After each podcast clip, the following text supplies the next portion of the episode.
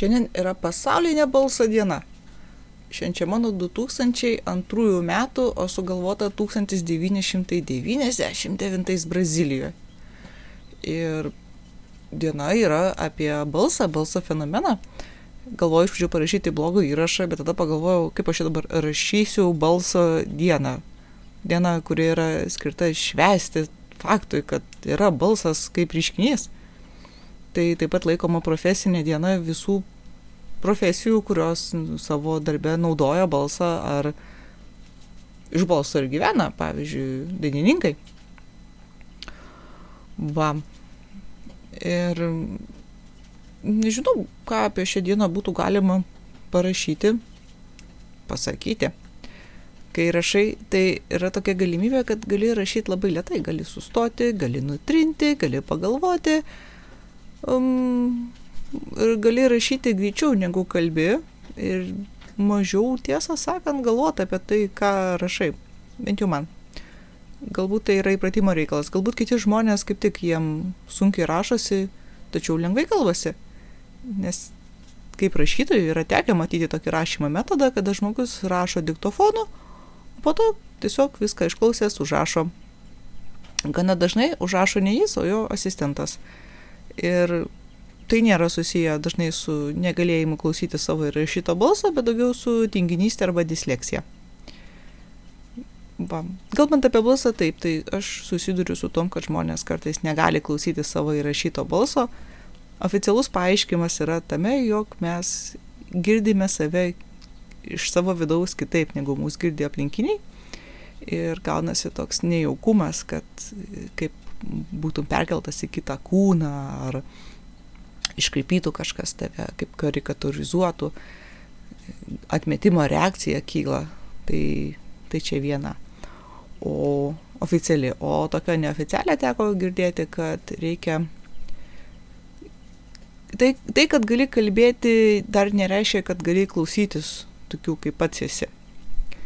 Ir kai kuriems žmonėms yra sunku tas. Nors kai kuriem kaip tik jie kartais įrašo save, išklaus ir būna, wow, wow, visai nieko. Va. Ką dar galiu pasakyti? Mm, turbūt nieko apie kalbėjimą. Manau, kad reikia džiaugtis tuom, kad galime kalbėti, kad galim kalbėti laisvai, iš tikrųjų galime, nors kai kurie pasakytų, tai ne, ne, ne, ne, ne, ne. Šitom jau posinu apie tai, kad džiaugiuosi, jog prasidėjo ramadanas, nes bent jau tas internetas, kuriame aš sėdžiu ramadano metu, ganėtinai nurimsta dėl kultūrinių aspektų. Ir šitom dienom daug skaitau, ką postina žmonės iš Afrikos. Ir kuo daugiau skaitau, tuo, tuo daugiau suprantu, kad vis dėlto tikrai galima mūsų, mūsų kultūrą, mūsų religiją pinti į vieną, palyginti su to, kokios būna kitos kad per kalėdas galim švesti, švenčiam Saturnalijas, per Velyką švenčiam ištarės pagarbinimą va, su tais kiaušiniais.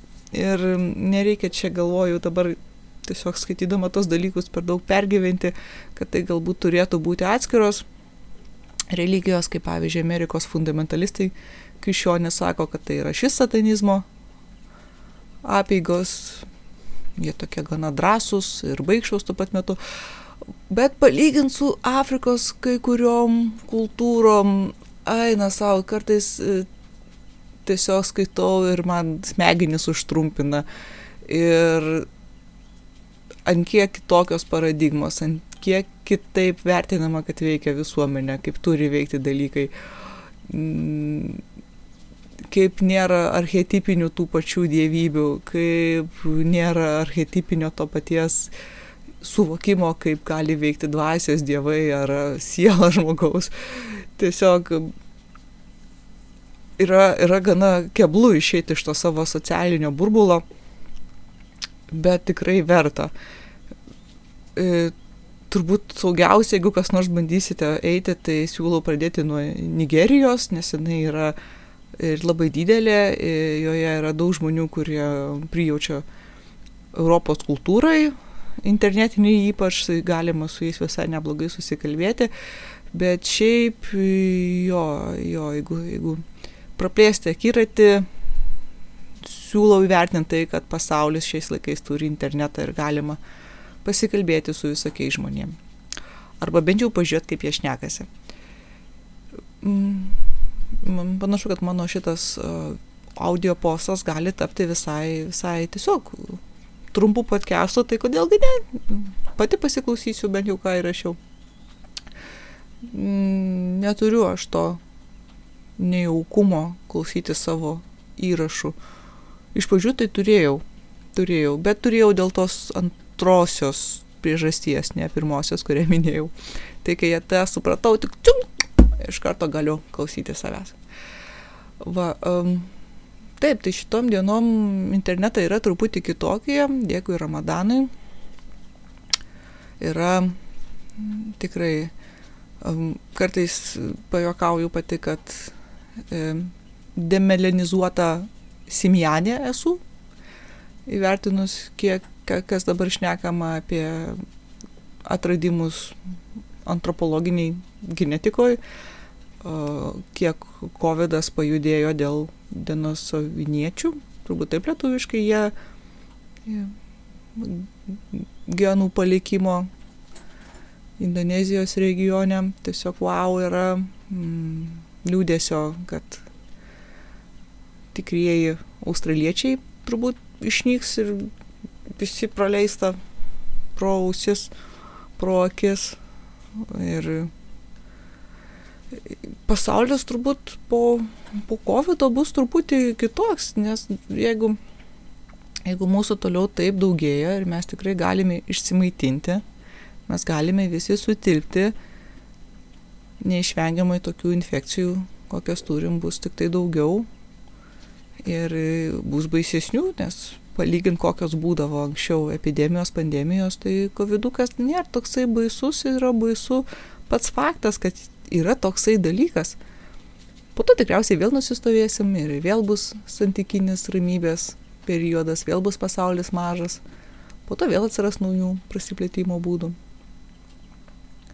Su vat, skaičiau nemažai straipsnių apie e, grupinį bandos imunitetą, visuomenės imunitetą. E, jo, jo epidemiologiniai modeliai yra virš šimtą metų senumo ir juose yra daromas tam tikros prielaidos apie žmonių bendravimą, žmonių socializaciją, kurios netitinka realybės, nes pasirodo, kad šio laikinio žmogaus socializacija yra ypatingai surišta su laiku, ko nebuvo prieš šimtą metų. Kai sukurtos buvo šios teorijos, žmonės kalėdom užsidarydavo lab, savo šeimoje. Šiais laikais žmonės kalėdom išvažiuoja. E, žmonės visai neblogai nesimaišydavo tarp socialinių sluoksnių, arba jeigu maišydavosi, tai na, ne, ne, ne truputį kitaip negu dabar. Nebūdavo tokio sporadinio atsidūrimo kažkur. Tai, tai matyt, turėti bandos imunitetą, jeigu kažkas norėtų į tai investuoti savo lūkesčius, kad neužsikrės, tai tas žmogus turėtų gyventi ganėtinai arhaiškai socialiniai visuomeniai. Darbas, kuris visą gyvenimą tas pats, moteris, kuri visą gyvenimą ta pati, vaikai, kurie visą gyvenimą tie patys, žinoma, turi turėti ir, ir gyvūnų, kad palaikytų sveiką mikrobiotą.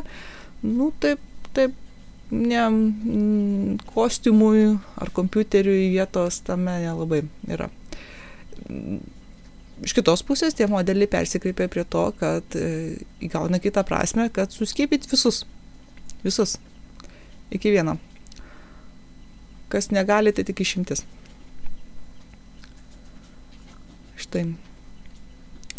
Ir kitas dalykas, apie kurį šitom dienom taip pat daug maščiau ir teko skaityti ir išklausyti visai įdomių pranešimų, buvo apie rašymą, apie uh, rašymo blokus, kai žmogus tiesiog negali rašyti, jie apima paniką, apima nerimas didelis. Ir visai visai įdomią mintį išgirdau, kad galime vertinti rašymą kaip kūrybą, kaip vilties ir tikėjimo praktiką, nes e, rašyti moka visi, iki vieno galima išmokyti, jeigu negalima išmokyti raidžium, nu, raidėm rašyti, tai galima išmokyti rašyti simboliais, bet apskritai žmogus moka palikti kažkokią žymę, kurią gali atsiminti kokią prasme jinai, jinai, jinai reiškia. Vieni žmonės rašo daugiau, kiti rašo mažiau ir lengvoji rašymo dalis yra sėdėti ir rašyti. Ta tokia, nu, pateikiamo kaip, o, juodas darbas. Sėdi kasdien 4 valandas rašai ir 20 minučių, bet kasdien non-stopų, nesvarbu ką, vis tiek rašai, rašai, rašai, rašai. Ir um, žmonės, pastebėjau, yra stebėtinai gerai mokantis dirbti juodą darbą. Tiesiog nakties vaikai esam. Kas yra juodas darbas, yra dalykas, kurį kartoji vėl ir vėl ir vėl ir jame nėra rizikos, kad kažką padarysi ne taip. Vienintelė jo rizika yra, kad tu to nedarysi. Ne? Tai automatizuojasi, disocijuoji ir gali varyti iki išsiekimo šitą, šitą moka dauguma ir uh, pastebėjau, kad blogiausia galbūt, kai prokrastinacija tampa to juodu darbu. Nes kartai žmonės kalba apie atidėliojimą, vengimą, kaip apie kažko nedarimą, bet atidėlioti ir vengti irgi yra darimas. Tai va, tai e, rašytojui tas rašymo faktas yra lengviausias darbas sunkiausia daugumai yra pradėti rašyti arba išlikti tame rašyme, nepabėgti, neištrūkti, nebūti nuviliuotėm į nerašymą. Ir iki, iki, iki šitų dienų, iki šios savaitės niekada apie tai negalvojau kažkaip ir galbūt nebuvau verbalizavus, išsigryninus.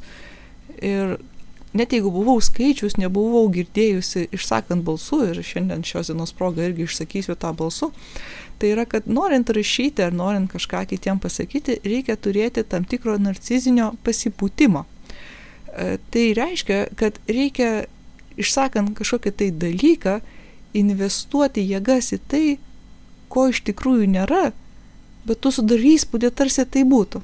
Nes kažką kitam sakydamas, tu sakai todėl, kad tu darai prielaidą, tu darai na, spėjimą, atlieki tikėjimo veiksmą, kad tai jam gali būti įdomu, ar jis apskritai gali tą išgirsti, suprasti. Didelės viltis į tą, į tą kitą žmogų ir iš to turi motivacijos ir turi energijos tą dalyką atlikti. Tai rašytojas, kuris gyvena nepasitikėjime savim, susiduria su rašymo keblumais, rašytojas, kuris gyvena su apsimestiniu nepasitikėjimu savim, susiduria su rašymu į stalčių, o rašytojas, kuris susiduria su nepasitikėjimu kitais, tai arba išgyvena šis jokį rašymą, nes nu, negali rašyti, jeigu niekas to neskaitys. Ir tuo labiau pats negali to skaityti, nes skaitydamas tu tampi tuom, kuriuo tu nepasitikė arba, arba išgyvena labai didelį pyktį, jeigu jam atrodo, kad jis turėtų būti įdomus, bet jis toksai nėra. O gal kaip tik, jisai galvoja, kad jis turėtų būti neįdomus, bet jis toks yra. Ir va tokie va rašytojai pastebėjau, dažnai rašo su kokiais pseudonimais, e, rašo labai kietai, labai varo, čiuk, čiuk, čiuk, čiuk, čiuk, pirmus ten kokius metus ten šviečia švituriai, ferverkai, o jėga, čia mes turėsim nerealų autorių ir tada ateina leidykla ir sako, va, mes tave pripažinsim ir puf. Ne, to negali būti, to negali būti. Rašo tam, kad galėtų save sumenkinti.